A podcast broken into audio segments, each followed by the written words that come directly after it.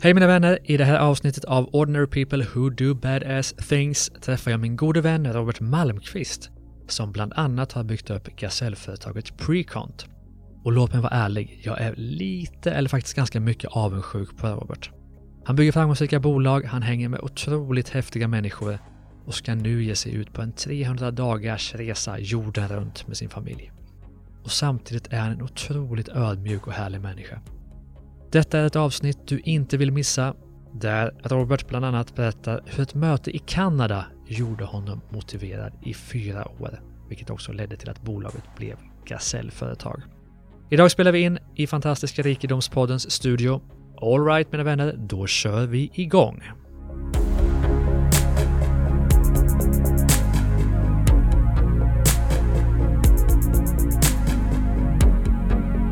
Ja, Robert Malmqvist, välkommen till Ordinary People Who Do Badass Things. Podden där jag får möta människor som skapar fantastiska liv. Men jag tror också någonstans att de har börjat någonstans som helt vanliga människor. Så vi ska börja med att få en kort resumé över vem du är för de som inte känner till dig sedan gammalt.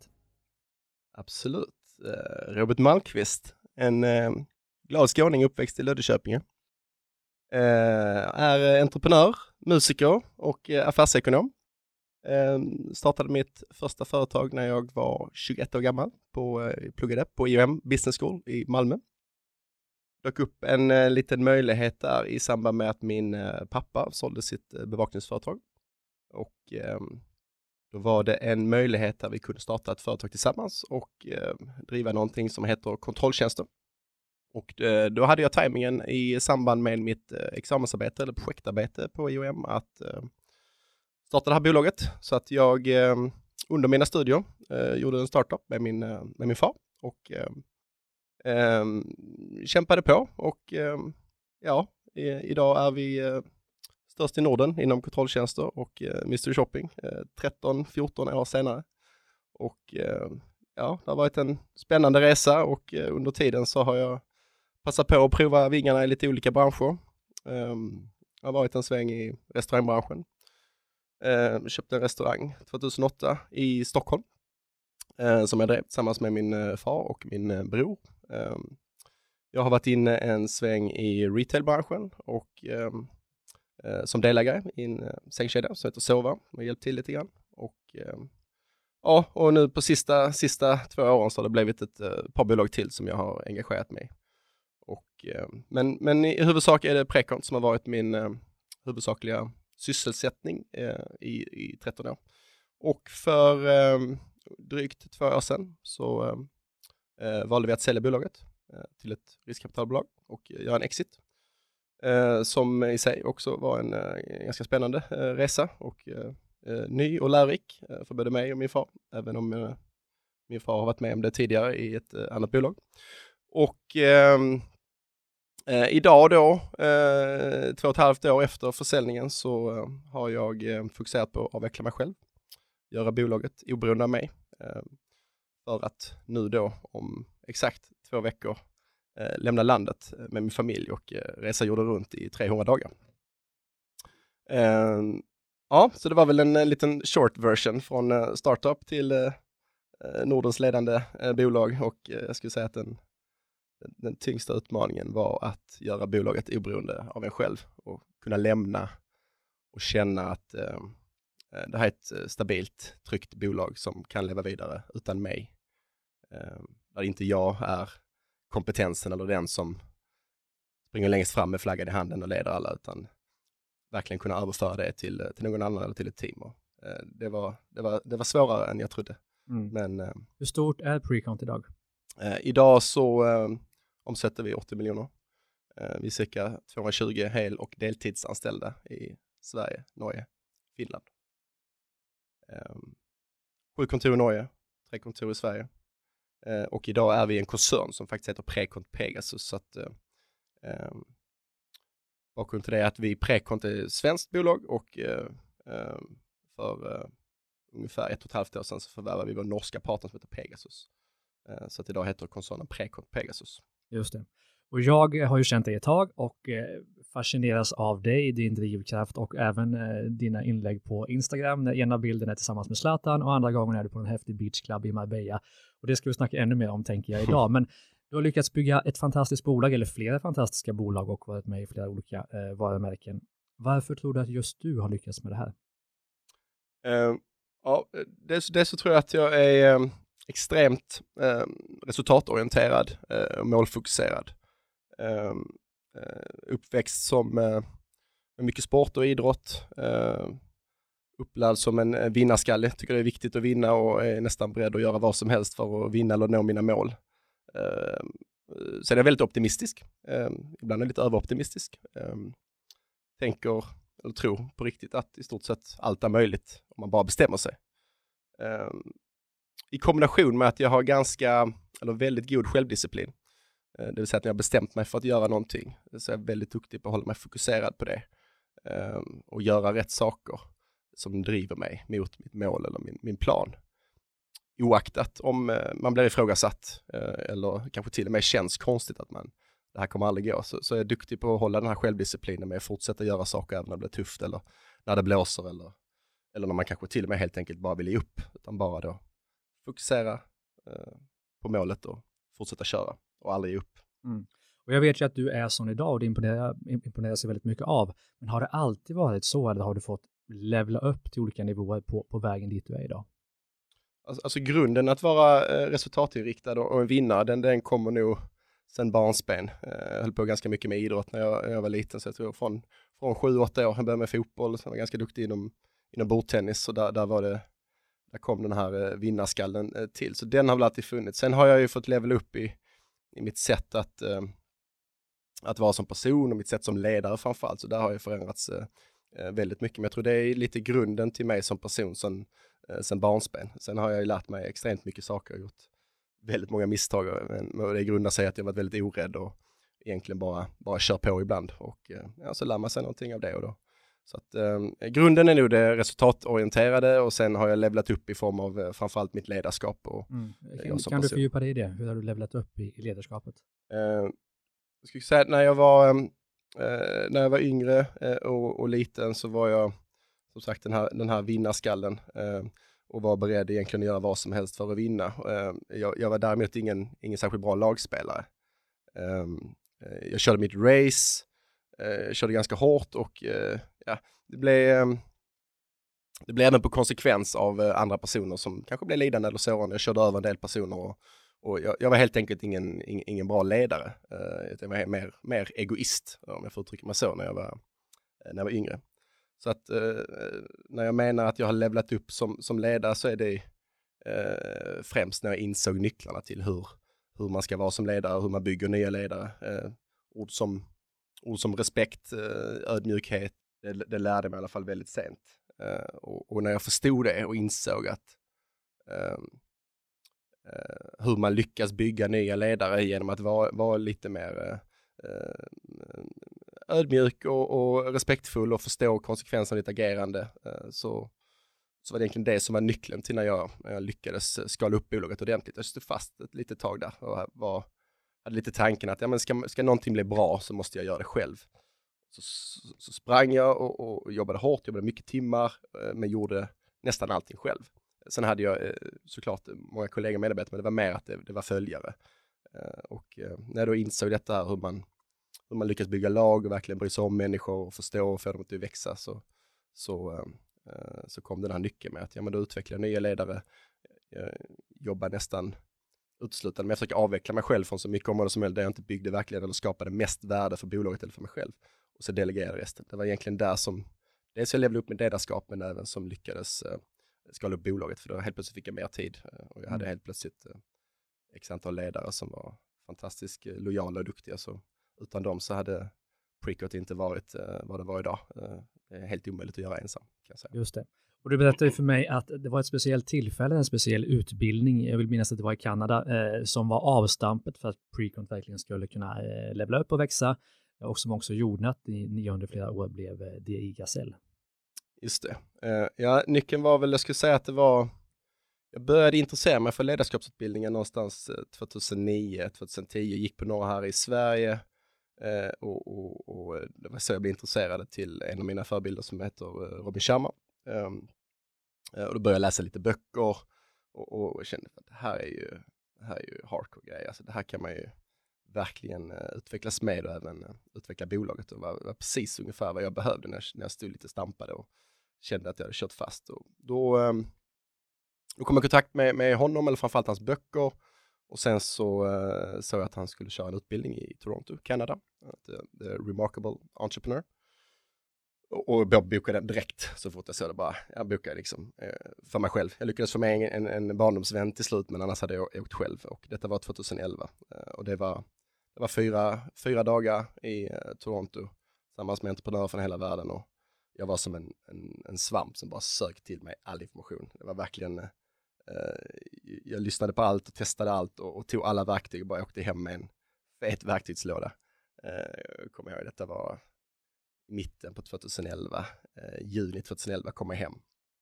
Och då bara, nu, nu ska jag liksom köra allt jag har lärt mig och bara se vad, vad är det som händer, vad blir skillnaden? Uh, och det gjorde jag. Och kan du berätta vad det var för någonting du lärde dig? Um, ja, alltså, dels var det sättet att tänka som, som ledare, men det var en del, del rutiner som jag tillämpade. Eh, och eh, som jag då hade lärt mig, egentligen inga konstiga grejer, det var mer att man ska göra det varje dag, verkligen, verkligen testa och implementera det på riktigt. Och, och det var, han har ju faktiskt skrivit en ny bok nu med, eh, som heter The 5 AM Club. Så jag gjorde det, jag kom hem, jag körde det här väldigt strikt. Möjligtvis några enstaka dagars undantag, i ett års tid körde det strikt eh, och var med i den här The 5 AM Club, upp fem på morgonen. Började med att träna, eh, och inte för att bygga muskler och bli fit, liksom, mer för att, för att få igång kroppen, eh, frigöra endorfiner och få energi. Sen satte jag mig och läste någon av de här böckerna som tyckte var inspirerande. Efter det satte jag mig och skrev en dagbok från dagen innan och gick igenom hela dagen i detalj. Ställde mig frågan vad var det som gjorde mig lycklig igår? Vilka utmaningar hade jag? Vilka lärdomar hade jag? Och så satte jag, satte jag ett betyg på dagen eh, satte en rating, skala 1 till 5. Skulle sätta sådana stjärnor, fast en app som jag, som jag hade då. Eh, gjorde det då eh, varje dag, dagen innan. Sen, sen dagen efter, eller den dagen jag hade framför mig, så planerade jag den eh, och satte mig där. Innan jag åkte till jobb så var jag tvungen att planera varenda aktivitet eh, för hela dagen eh, i, min, eh, i min kalender. Så det fanns liksom bara massa småblock, hela dagen var helt planerad. Och så valde jag ut x antal tasks som då var mina, ja, the big five eller daily five, det här var de viktigaste uppgifterna jag hade att göra. Så när jag åkte in till jobbet så liksom, jag behövde aldrig tänka vad jag skulle göra, bara direkt börja med den första och sen köra nästa. Eh, nästan varje dag så var det för mycket uppgifter än vad jag hann med och det var väldigt lätt att prioritera för då tog man de här daily five som man hade valt ut och det är den som gäller och sen flyttar man då eh, till nästa. Eh, så det, det var en sån här, eh, vad ska man säga, eh, ritual eller eh, aktiviteter som gjorde mig extremt produktiv. Jag var, jag var, jag var, jag var ett monster. Eh, då. Jag hade så mycket energi, jag var så produktiv, visste precis vad jag skulle göra. Och sen så hade jag då ehm, eh, satt upp ganska tuffa mål som jag skulle nå. Eh, och då var det väldigt lätt att veta precis vad jag skulle göra. 2011 fick vi första eh, Gazellen från Dagens Industri. Vi visste vad det var. Det kom ett brev men jag trodde det var reklam från Dagens Industri som de är ganska duktiga på annars. Eh, jaha, eh, det här var skithäftigt. Dubblat omsättningen på fyra år, ett av Sveriges snabbast växande företag. 2012 fick vi det igen. 2013 fick vi det igen och 2014 så blev vi av Veckans Affärer ett av Sveriges superföretag. Ehm, och jag skulle säga att den, den perioden 11, 12, 13, 14 var, eh, det var, det var prime time i min, i min, eh, i min karriär. Ehm, då var det bra flyt. Om du får gå tillbaka i tiden då till eh, 2011, du var iväg på Robin Sharma, du lärde dig alla de här grejerna. Men det innebar ju egentligen bara att ditt ledarskap och din eh, personlighet och du utvecklades. Hur fick du alla andra att hänga med på tåget? Alltså när jag, med, med den energin eh, som jag då hade, eller har, har fortfarande väldigt mycket energi, eh, och, och, med, den, med den tro på målet, alltså då, då blir jag på något sätt inspirerande för min omgivning. Eh, eh när folk ser på mig att jag har eh, bara, bara, min blick och, och min, liksom, min tro på det här när jag blir genuin och äkta, då, då är det lättare att få med sig folk. Så det, det är egentligen eh, bara mitt, mitt sätt att vara och få med sig folk. Eh, och, och, och, såklart när jag trodde så mycket på någonting och jag berättade det här i planen, det här ska vi göra, eh, vi kommer klara det här, det är inga problem. eh, så, eh, så lyssnar folk och då är det lättare att få folk till att verkligen engagera sig Eh, och jag hade, jag hade grymma medarbetare som, som jobbade extremt mycket och var extremt lojala. Eh, och eh, eh egentligen är huvudnyckeln till att Precont utvecklades som, som det gjorde. Mm. Och jag upplever att många människor som jag har träffat både i podden och i andra sammanhang som har skapat stora, häftiga, coola företag och coola liv, att de gör väldigt mycket annorlunda varje dag, att de har andra vanor än vad andra har till exempel. Vilka vanor har du som har varit avgörande för din framgång, både i livet och i företaget? Um, alltså, eh, förutom den här eh, morgonrutinen då så, så, tror jag helt enkelt att jag eh, mycket tid på att reflektera och planera så att jag alltid har, har ett mål, en målsättning att jobba efter. Uh, och det, det, det, det, är egentligen det som gör det väldigt lätt att veta precis vad man ska fokusera på. Um, alla pratar ju om att det, det, är hard work som är nyckeln till allting och, och du måste jobba väldigt hårt, men, men du måste också göra rätt saker. Eh, och för att göra rätt saker och veta vad som är rätt saker så behöver du ha en, en tydlig plan och en målsättning. Um, jag satte upp då, jag jobbade med, jag hade en bok som jag, som jag fyllde i som var sex månadersplan, ettårsplan, tvåårsplan, treårsplan, jag hade till och med femårsplan. Jag fyllde i så i detalj um, vad jag vill uppnå och det var både personligt, karriärsmässigt um, och när jag skulle uppnå det. Uh, och, och, och, och, det gör då att varje gång jag ska planera och, och och välja vad jag ska fokusera på så var det väldigt lätt. För då vet jag, men där är mitt mål, visualisera det och ehm, eh, vad är det jag ska fokusera på och den prioriteringen blir så himla lätt. då, Så att jag, jag tror helt enkelt att det är eh, jobba med tydlig, tydlig målsättning och, um, och, eh, och jobba hårt såklart. Mm. Men du, vilket är det bästa råd som du någonsin har fått som har tagit dig dit du är idag? Eh, råd, ja, det, alltså, det finns ju många, många citat och quotes som, som är inspirerande som jag följer, men... men eh, Vilka följer du? Robin Sharma har du nämnt innan. Robin Sharma har nämnt, jag vet, jag vet inte, inte vem som är skaparen av, eh, av de här eh, quotesen, men eh, en av mina favoriter är What you do speaks so loudly that I cannot hear what you say.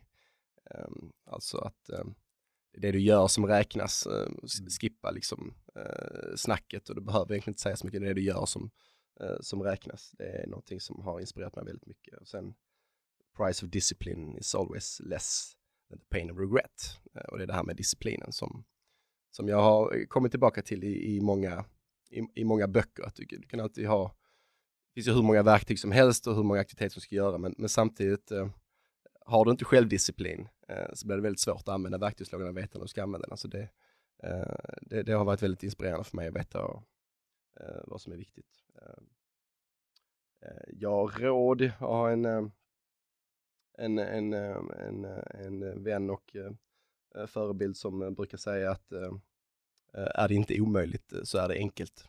Mm. Och, det är väl lite det som jag skulle säga skiljer lite mot när man pratar med, med, med folk, det är när man, man, ska göra saker, uppnå saker och sätta mål så, eh, så generellt att eh, jag kanske tänker att ja, ja, men eh, det, är, det är väl inga större konstigheter, det är bara, bara att köra. Det, det, det, det är absolut inte omöjligt, inga, inga, inga konstigheter. Och så, så hittar man massa hinder, massa utmaningar på vägen.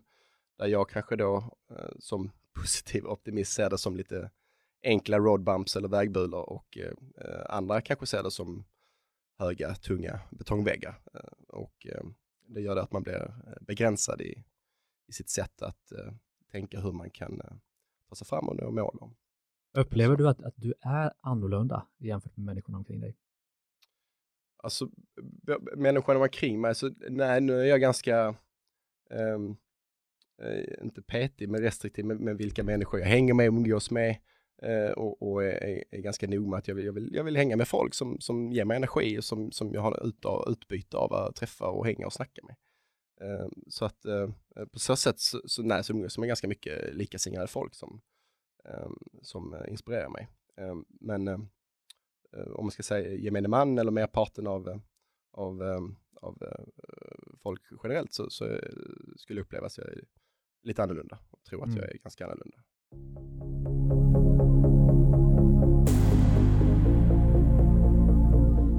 Här avsnittet sponsras av Soundry för du kanske också driver en butik, restaurang, café eller någon annan typ av företag och är trött på att betala avgifter till STIM och Sami. Soundry är den nya musiktjänsten för företag. Alla artister i Soundrys bibliotek står utanför alla upphovsrättsorganisationer, vilket innebär att du inte behöver betala någon avgift till varken STIM eller Sami. Soundrys musikexperter har i över 10 års tid jobbat med professionella artister och producenter. Och spellistorna är speciellt sammansatta för att passa olika typer av branscher och företag. Och de uppdateras förstås regelbundet. Soundry kostar bara 169 spänn per månad, så du sparar både tid och pengar kan man väl säga. Soundry, vi är glada för att ni har plockat fram ett prova på-erbjudande enbart för er som lyssnar på den här podden. Gå in på soundry.com podd. Det är alltså Sune, Ola, Uno, Niklas, David, Rickard, Yngve.com, soundry.com podd och signa upp så får ni en hel månad med gratis musik. Tack Soundry för att ni är sponsor av det här avsnittet.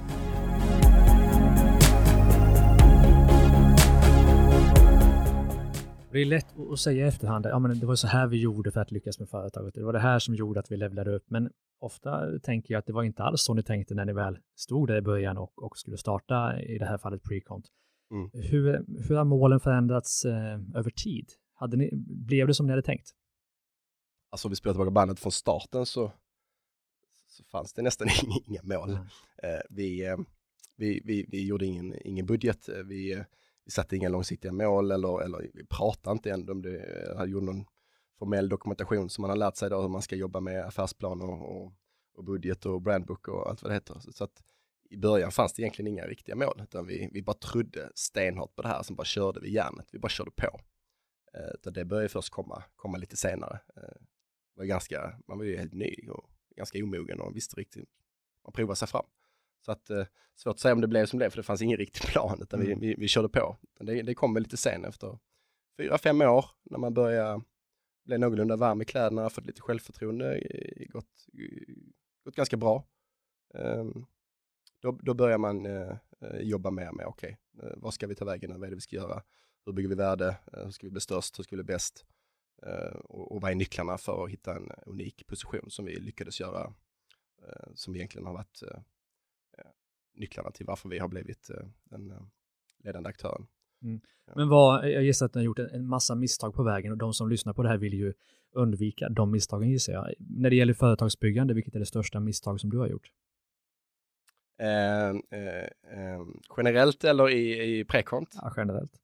Alltså misslyckande. Jag, jag, vet inte, jag har haft eh, ganska mycket lära investera i, i restaurang eh, ser jag väl kanske inte som ett misslyckande, men jag ser det som en, en, en, en kostsam lärdom, om man ska säga det. Det var ju verkligen sådär kastas ut. Vi satt, jag, eh, farsan, eh, eh, min bror, min bror var med och hjälpte till och jobbade på bolaget när vi startade upp det. Och han är kock i grunden. Vi är ganska intresserade av fotboll, satt nere på Barceloneta i Barcelona, skulle på fotbollsmatch, drack ganska mycket sangria och eh, slängde ur sig den att eh, fan ska vi inte köpa en restaurang? Eh, för brorsan ville då använda sina kockkunskaper. Eh, eh, ja, sagt och gjort, två veckor senare så köpte jag en restaurang på Birger i Stockholm eh, och hade egentligen eh, ingen aning hur man drev restaurang, men tänkte, ja, svårt kan det vara. eh, och, och det, eh, det var verkligen en, en utmaning eh, och eh, Eh, eh, i början gick det skitbra, eh, i alla fall i antal antal gäster och omsättning och sådär. 2008 var det, vi köpte den, öppnade i maj. Ehm, slutet på året blev vi utnämnda till en av Stockholms fem bästa restauranger av eh, Alto Stockholm. Eh, fullbokat eh, typ hela året ut. Men vi hade ingen aning om hur man, hur man drev restaurang. vi hade inte koll på eh, operationella bitarna, personalkostnad, foodkost och sådär. Det lärde vi oss lite efterhand, men när vi hade lärt oss det så var det lite för sent. Då, då, då hade vi, kunde vi inte leva på gamla meriter längre, så att, eh, då tappade vi lite kundflöde och gäster. Så vi höll på att slita med det ganska länge och eh, det var tufft. Det var tufft både för mig, och min bror och min, min far. Det var vi som hade investerat och eh, vi, vi, lyckades inte nå lönsamhet helt enkelt. Så att, fem år senare sålde vi. Eh, låg lite pengar. Eh, men eh, alla som frågar mig idag så säger jag, jag skulle inte rekommendera dig att göra samma sak, men jag skulle inte vilja ha det ogjort, för jag lärde mig sjukt mycket. Eh, och eh, någonstans är det, ja, det var häftigt att bara liksom testa. Så att, um, ja, det var väl en, en, en learning då. Mm. Men hur är det med dig? För att jag känner själv att mina personliga mål och visioner förändras efterhand. Ju mer såklart jag mognar, ju mer jag har gjort och olika värderingar i livet förändras över tid. Hur ser dina, dina mål och visioner ut idag jämfört med för, säg, tio år sedan? Ja, eh, idag är det eh, väldigt stor skillnad. Dels så har jag blivit eh, pappa eh, två gånger om eh, Eh, och det förändrade väldigt mycket i mitt, eh, eh, i mitt liv och mitt sätt att se på livet och inte minst då, och hur man prioriterar. innan dess så var det väldigt mycket karriär, bygga bolag och försöka växa och, och, och ha lönsamhet. Ehm, sen jag blev pappa, det var 2014 som jag första son, Hugo, kom. Då tog det tag innan man riktigt fattade egentligen vad det innebar. Eh, det tog väl i alla fall ett år innan jag förstod papparollen. Och, och då, då, då blev det att man prioriterar helt annorlunda. Just nu så känns det som att mitt, mitt huvudsakliga syfte i livet är att ge värme och kärlek till mina barn och, och se dem växa upp och, och, och sådär. Är, mina barn är väl, eller de är min absolut största energikälla idag. Mm. Kontra att innan hade man inte det. Så, så det är istället för att vara med i 5am Club så är jag med i Kids Club istället. För att jag har ju, eh, jag har ju en, en otroligt positiv bild av dig och du, du är en väldigt ödmjuk person och härlig människa, full med energi. Men jag gissar ju också att det har funnits någonting i dig som vill visa upp din framgång. Eh, för du bor ju i ett fantastiskt hus, eh, du har ju bilar av världens typ coolaste märken och hänger gärna på exklusiva destinationer och med jävligt coola människor. Så det finns väl någonting där, eller hur? Du, du menar att visa upp att man har lyckats eller, eller framgång? Mm. Nej, det, sk det, skulle jag inte säga, utan det, det, det, är inte det som är drivkraften och tankesättet. Däremot så, så gillar jag liksom att ge mig själv belöningar. Mm. Eh, och jag, jag, tänker väl inte riktigt tanken heller att eh, och, och, och, eh, och, nu ska jag göra det här för att det ska kunna synas eller visas upp. Mm. Eh, jag är ganska, jag är inte speciellt öppen på sociala medier, jag har inte så många, många följare och, mm. och sådär. Men, men, men det är väl mer att jag inte, jag har inga problem med att stå för att jag har, jag har lyckats och gett mig själv en, en belöning. Ehm, så att ehm, eh, sen klart tycker jag det är gött och, och unna sig eh, ibland. Eh, sen får det inte bli för mycket heller, då blir det liksom det nya, det nya, det new normal. Mm. Det tröttar man, men, men jag tycker absolut om att unna sig lite, lite lyx ibland. Mm. En Aston Martin då och då och någon McLaren då och då. en av, få, en av mina, en av få, få av mina vänner som har en, en Aston Martin och McLaren, men du har ju sålt bilarna nu å andra sidan. Nej, jag, har kvar, jag är kvar den, den sista har jag kvar, den är inte såld nu. ja. Men nu låt oss snacka lite om, vi har varit inne på, på bolagen du har byggt, eh, låt oss snacka lite om framtiden både för dig och, eh, och världens framtid, för jag tänker ju, eller jag känner ju att det händer otroligt mycket i världen just nu mm. och eh, speciellt kanske för oss som, som driver business med AI och blockchain och allt vad det kan heta. Hur ser du på framtiden? Vad, hur tror du att vår värld kommer se ut om tre eller fem eller tio år?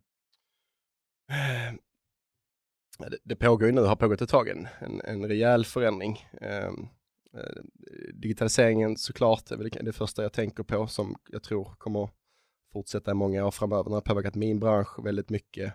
Eh, jag skulle egentligen säga att det går, jag tycker att det går långsamt egentligen, även om vi här i Sverige kanske är ganska mycket i framkant.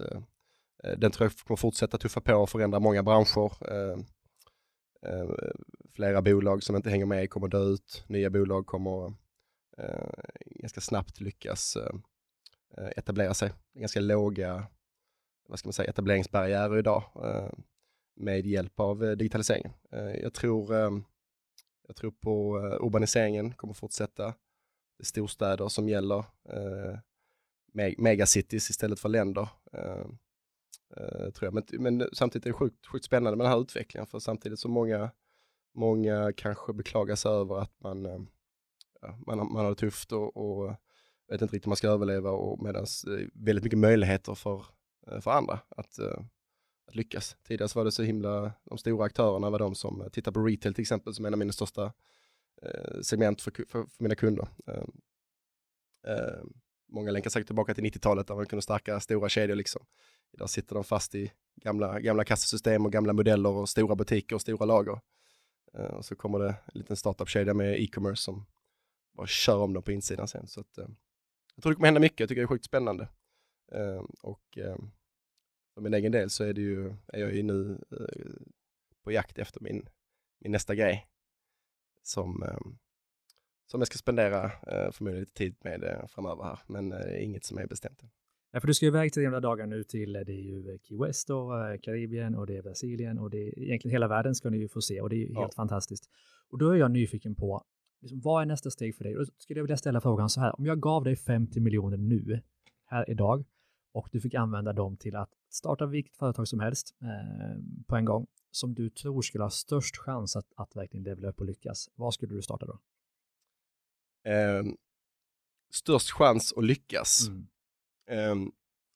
Eh, jag, jag, tror att jag skulle kanske inte välja att starta ett företag från grunden, från scratch, utan jag tror att jag skulle försöka hitta en, ehm, en bransch som är eh, ganska omogen, um, som inte har tvingats uh, förändras så mycket med till exempel digitaliseringen.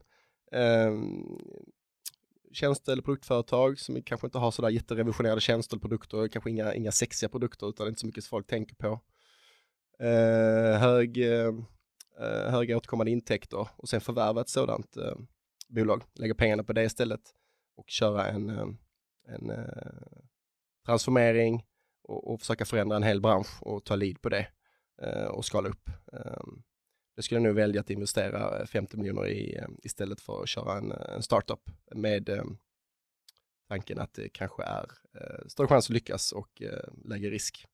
Bäst chans på, på god avkastning på de 50 miljonerna. Och det är det som jag själv tänker rätt mycket på, på nu. Men Ja, så jag skulle nog investera i ett befintligt bolag snarare än startup. Mm. Om jag får. Och är det så lite när man har drivit upp ett antal bolag som du har gjort att man, man orkar liksom inte med de här första åren när det, man vill gärna gå in i någonting som funkar och ta det till nästa nivå. Har det blivit lite så för dig? Uh, nej, inte nödvändigt. Jag, jag är nog med att jag dras med ett företag som inte funkar.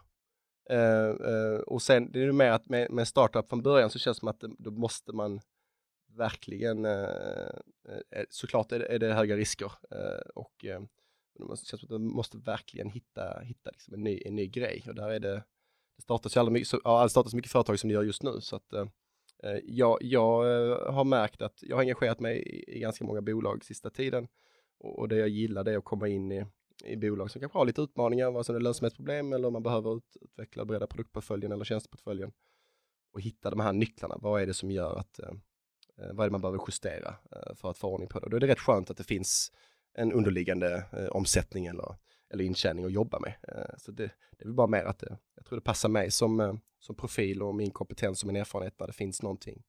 Eh, men eh, eh, så det är nu mer det som jag är sugen på. Men skulle jag känna att jag har världens idé som startup eller skulle någon komma till mig så absolut, skulle jag, skulle jag tro på det, skulle det vara game direkt. Mm. Så, så att, ja men någonstans så bolag som, eh, som kanske inte mår, mår så bra men och, och, de som driver det kanske inte ser, ser potentialen själva, blir lite blinda och så. Eh, mm. Jag tänker mig att ta ett turnaround case och köra en investering och köra all in tre år och skapa magic. Just det. Men du, på, på eh, framtiden, vad skulle ditt tio år äldre jag säga till ditt nuvarande jag? Mitt tio år äldre jag um, skulle nu säga att jag borde stanna upp, eh, stanna upp lite mer, eh, reflektera ännu mer och kanske inte tänka eh, så linjärt i livet. Att, ehm, att jag bara ska springa, springa rakt fram och nå så mycket mål och framgång och, som möjligt. Jag tänker kanske lite mer på bredden. Ehm, för om, om, om livet vore att eh, om det fanns ett start och ett slut och man ska springa så fort som möjligt i slutet så kommer vi ju till döden som vi alla kommer dö i slutet av livet. Tänka lite mer, eh, mer på, på bredden. Det skulle nog mitt tio år äldre jag säga till mig. Mm. Men du, vad har alla framgångsrika människor du känner gemensamt? Um, stark integritet är någonting som jag brukar notera. Um, någon form av utstrålande av själv, självförtroende, självsäkerhet, pondus som gör att eh, man får ett förtroende för personen. Där vi egentligen inte säga så jättemycket, det är någon form av en aura. Eh, brukar, eh, brukar känna igen de eh, signalerna ganska fort. Mm. Eh, så vem, vem tänker du på när jag ser ordet framgångsrik? Ehm, eh, ordets framgångsrik i första hand så eh, ska jag säga min pappa. Mm. Um, och, och, det är inte i, uh, i form av att man har varit en framgångsrik entreprenör som har gjort uh, två exits och, och tjänat pengar, utan det är väl en kombination av hela livet med att eh, jag som är pappa idag eh, känner jag, undrar hur fan de fick ihop det när vi var små. Eh, alla sporter och följde med som var tränare och lagledare, körde mig till alla tävlingar och samtidigt som han eh, drev ett eh, bolag och byggde upp, som på den tiden då var också ett av Sveriges snabbast växande företag. Eh, fortfarande lyckligt gift eh, och reser just nu världen runt. Eh, som de som tycker att mina 300 dagar är häftigt så, så kör min pappa the long version of that, så att, av det. Så att jag, helhetspaketet så är det min pappa som jag tänker på då, som har mm. varit inspirerat mig jättemycket. Och om du fick välja ut, vi säger tre stycken levande svenskar som du får bli kompis med på en gång, vilka, vilka skulle det vara? Eh, tre stycken, ja men då skulle jag välja eh, företagsledare på svenska. Eh, Daniel Ek, Spotify. Filip Sander, Daniel Wellington och eh, Henrik Persson Ekdal. Tycker jag verkar jävligt eh, eh häftig eh, person. Mm. Så det är personer som, som skulle vara häftigt att ta en kopp kaffe med. Verkligen. Men du, vilken är den bästa investeringen som du har gjort? Eh, bästa investeringen är ju så, såklart Prekort som jag har både investerat, eh, ja, framförallt min tid, jag har inte investerat så mycket pengar i det, men, eh, men det är såklart den som har eh, bäst, bäst mm. avkastning. Om man bortser från dina egna bolag? Bortsett från det, investeringar. Um, Eh, den, den första, första riktiga investeringen jag gjorde som egentligen eh, gjorde mig, eh, fick upp ögonen för att jobba lite mer aktivt med, med kapitalförvaltningen på svängen, var, var när jag var eh, 18 år tror jag, gick på gymnasiet, var med, läste aktiekunskap och eh, satsade lite pengar i ett bolag som hette eh, Wilhelm Sonesson, börsbolag.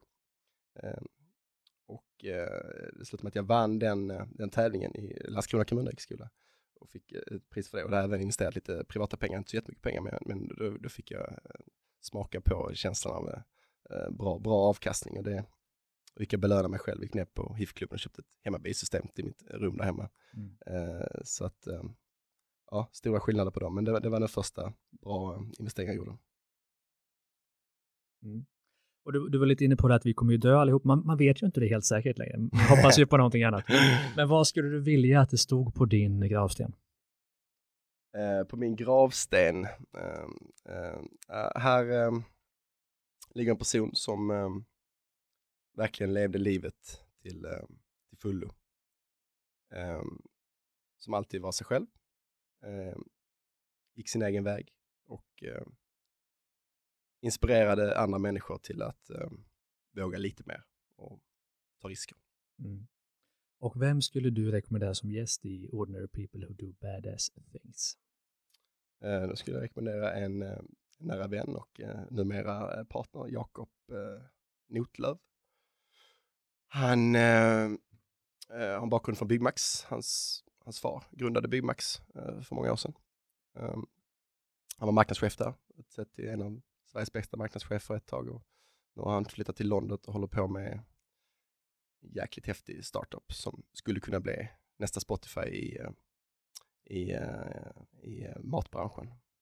Jag var i London för förra veckan och träffade honom och lyssnade på. Han är, han är jäkligt häftig kille och byggt upp ett bolag som heter Sweef som säljer möbler på nätet. Ehm, och nu har vi tillsammans, Jakob, jag och en, en annan kille som heter Robert, ehm, investerat i ett uh, interiörbolag som heter Mace Interior. Så att det är kul att vi um, får göra lite business ihop också. Mm. Så att, um, han, han, skulle jag verkligen rekommendera. Han är, han är grym och han är en förebild för mig. Kul. Men du, vilka frågor är det som jag har glömt att ställa? vilka frågor du har glömt att ställa. Um, um, vad jag tror på, som andra tycker är galet, var en fråga som du... Ja, nej, men precis. vad tror du på som andra tycker är galet?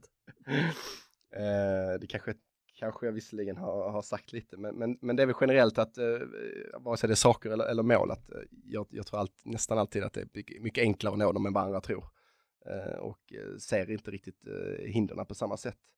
Ehm, jag, ehm, eh, jag tror inte på att följa, eh, Eh, följa strömmen eh, eller eh, ehm, jag har, jag, har, jag har svårt för, eh, jag har svårt för, för normer som, som begränsar människors liv, att man ska, man ska vara normal, eller man ska ha sunt förnuft. Ehm, sådär, så att vem fan har bestämt det? Liksom, vad, är, vad är normalt? Vad är vad normal? Så jag är, jag är mer tvärtom. Liksom. Om alla går åt ett håll, så vad fan går ni dit för? Testa att gå hit istället. Ehm, och där är det ett citat från, från, från uh, Robin Sharma där. The only place you reach if you follow the crowd is the exit. så att verkligen leave the crowd, säger jag. Mm.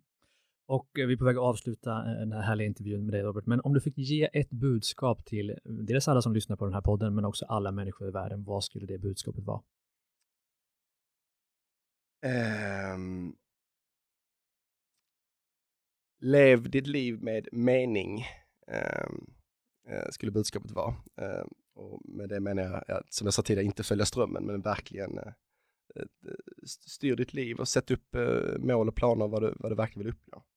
Ehm, så att, så att du, eh, du inte bara följer med eh, ett ekorrhjul eller följer strömmen, utan verkligen lever det livet som du verkligen vill leva. Ehm, skulle även säga att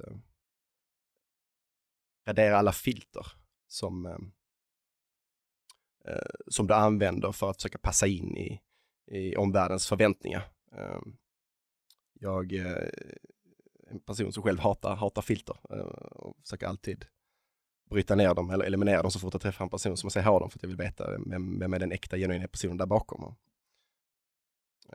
Så att eh, det är ett eh, tips. Så sätt kan vara ganska jobbig att umgås med ibland.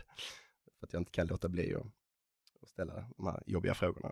Jag inte köper, köper vissa ursäkter eller när man bara frågar, jag berättar något kort så är jag alltid gräver djupare, gräver djupare. Mm. Så har jag några ursäkter så vill jag bara döda dem direkt. Ja, men det är så spännande med dig för att eh, som sagt du är ju eh, ganska privat på, eh, på sociala medier men vi, vi är kompisar där och i, i livet också och det dyker upp, det är du och Zlatan och det är du med Malmö FF och det är du med Patrik Ekwall och det är du på Melodifestivalen. Patrik Ekwall är min kollega ju. Jo, jag vet, jag vet. Men det, det, det hela tiden, det, det händer ju väldigt mycket och det, det känns som att du, du hamnar i sammanhang med, med extremt häftiga människor. Finns det någon strategi eller är det, är det där du är i ditt liv, att du är med den typen av, av individer? Är det tack vare företagandet? Alltså, um, varför jag har förmånen att träffa, det är ju dels min, min umgängeskrets och sen är det väl att jag, jag har väl förmånen att bli inbjuden till olika typer av tillställningar. Uh, var på Melodifestivalen i, och det är, inte, det är, inte, så att jag har tänkt att nu ska jag åka dit och där, utan det, det jag blir, har förmånen att bli kontaktad och fråga om man vill uh, följa med. Och, mm. vill, du, vill du ha en lunchbiljett här och bli bjuden på mat och följa med på efterfesten. Så, så att Eh, och just jag tycker det är roligt, men eh, det är inget, ingen gameplan jag har. Eh, sen om, är, är jag så som person, att om jag ser någon person som jag blir inspirerad av eller, eller ty tycker är häftig så är, så är jag ganska modig att jag knallar fram direkt och snackar med en sån person. Ehm, så att om jag, om jag ser någon, vilket förmodligen många andra gör, så, så är jag den som går först fram. Tja, läget? Ehm, och, och så vill jag bara liksom eh, ha ett snack med den personen för att förstå eller ställa en fråga eller, eller någonting. Så att, uh, det är väl mer att jag, förmodligen många andra som skulle vilja göra det också. Så att, uh, sen, lite, flyt med tajmingen, men när, jag ser eh, ett eh, litet window of opportunity så tar jag den eh, alla dagar i veckan direkt att eh, hänga med personer som jag tycker är inspirerade och har varit eh, framgångsrika på ett sätt. Mm. Vad härligt Robert, fantastiskt kul att få ha med dig i Ordinary People Who Do Badass Things. Du är verkligen en av de personerna som jag vill ha med i den här podden och fantastiskt kul att ha dig här. Jag vill önska dig en fantastisk resa, 300 dagar eh, runt jorden och eh, när du kommer tillbaka så lovar jag att stå här med en affärsidé som vi kan genomföra tillsammans. Tack så mycket. Tusen tack Gustav, tack. Snipp, snapp, snut så var avsnittet slut och jag tror verkligen att de här tipsen kommer göra avgörande skillnad för både dig och mig. Du följer våra tre poddar, Starta eget-podden, Business Hacks och Ordinary People Who Do Badass Things, där du följer andra poddar, till exempel på iTunes, Podcaster eller på driva-eget.se. Och vi avslutar den här goa feelingen med musik ifrån Soundry.